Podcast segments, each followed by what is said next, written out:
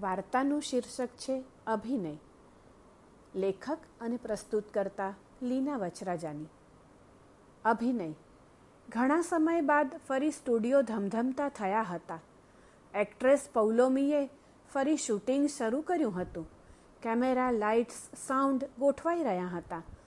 Paulomi vanity વેનમાં એક ભૂખી, ગરીબ, લાચાર સ્ત્રીનો મેકઅપ કરાવી રહી હતી. ડાયેટિશિયન માલા એક હાથમાં સફરજન અને બીજા હાથમાં જ્યુસનો ગ્લાસ લઈને સામે ઊભી હતી.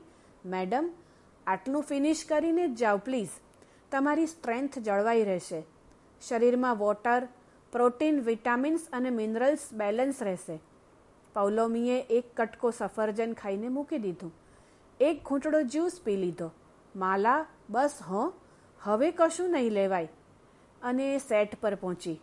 ડાયરેક્ટર નથુલાલે સીન સમજાવવાની શરૂઆત કરી. જો પૌલમી, આ પિક્ચરમાં તું એક ભૂખી, બેબસ છોકરી છે, જે એક ટંક ખાવાનું પણ પામતી નથી. એટલે ચહેરા પર એટલી પીડા અને ભૂખ આવવા જોઈએ કે દર્શકને દયા અને સહાનુભૂતિ ઉભરાઈ જાય. પૌલોમીના હાથમાં એક અડધી બ્રેડનો ટુકડો પકડાવવામાં આવ્યો અને સીન શરૂ થયો.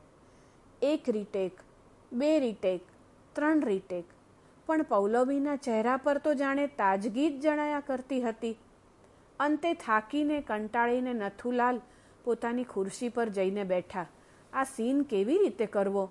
આ સુખી સંપન્ન હિરોઈન ભૂખ શું સમજે?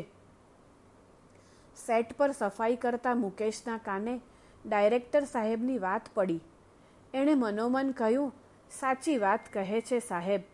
છેલ્લા દસ મહિનાથી બેકારી ભોગવતા મારા જેવા લાચાર ગરીબને પૂછો કે ભૂખ શું ચીજ છે? એ બતાવવામાં અભિનયની જરૂર જ ન પડે. મારા જેવા કેટલાયની માત્ર આંખમાં જુઓ ને, તો ભૂખની સાથે ગરીબી, મજબૂરી, અસહાયતા આવી તો કેટલી અભિવ્યક્તિ વગર અભિનયે તાદ્રશ્ય થઈ જાય. અને ઝાડુ વાળતા વાળતા એણે પૌલમીએ કંટાળીને ફેંકી દીધેલો અડધો બ્રેડનો કટકો પોતાના ડબ્બામાં મૂકી દીધો.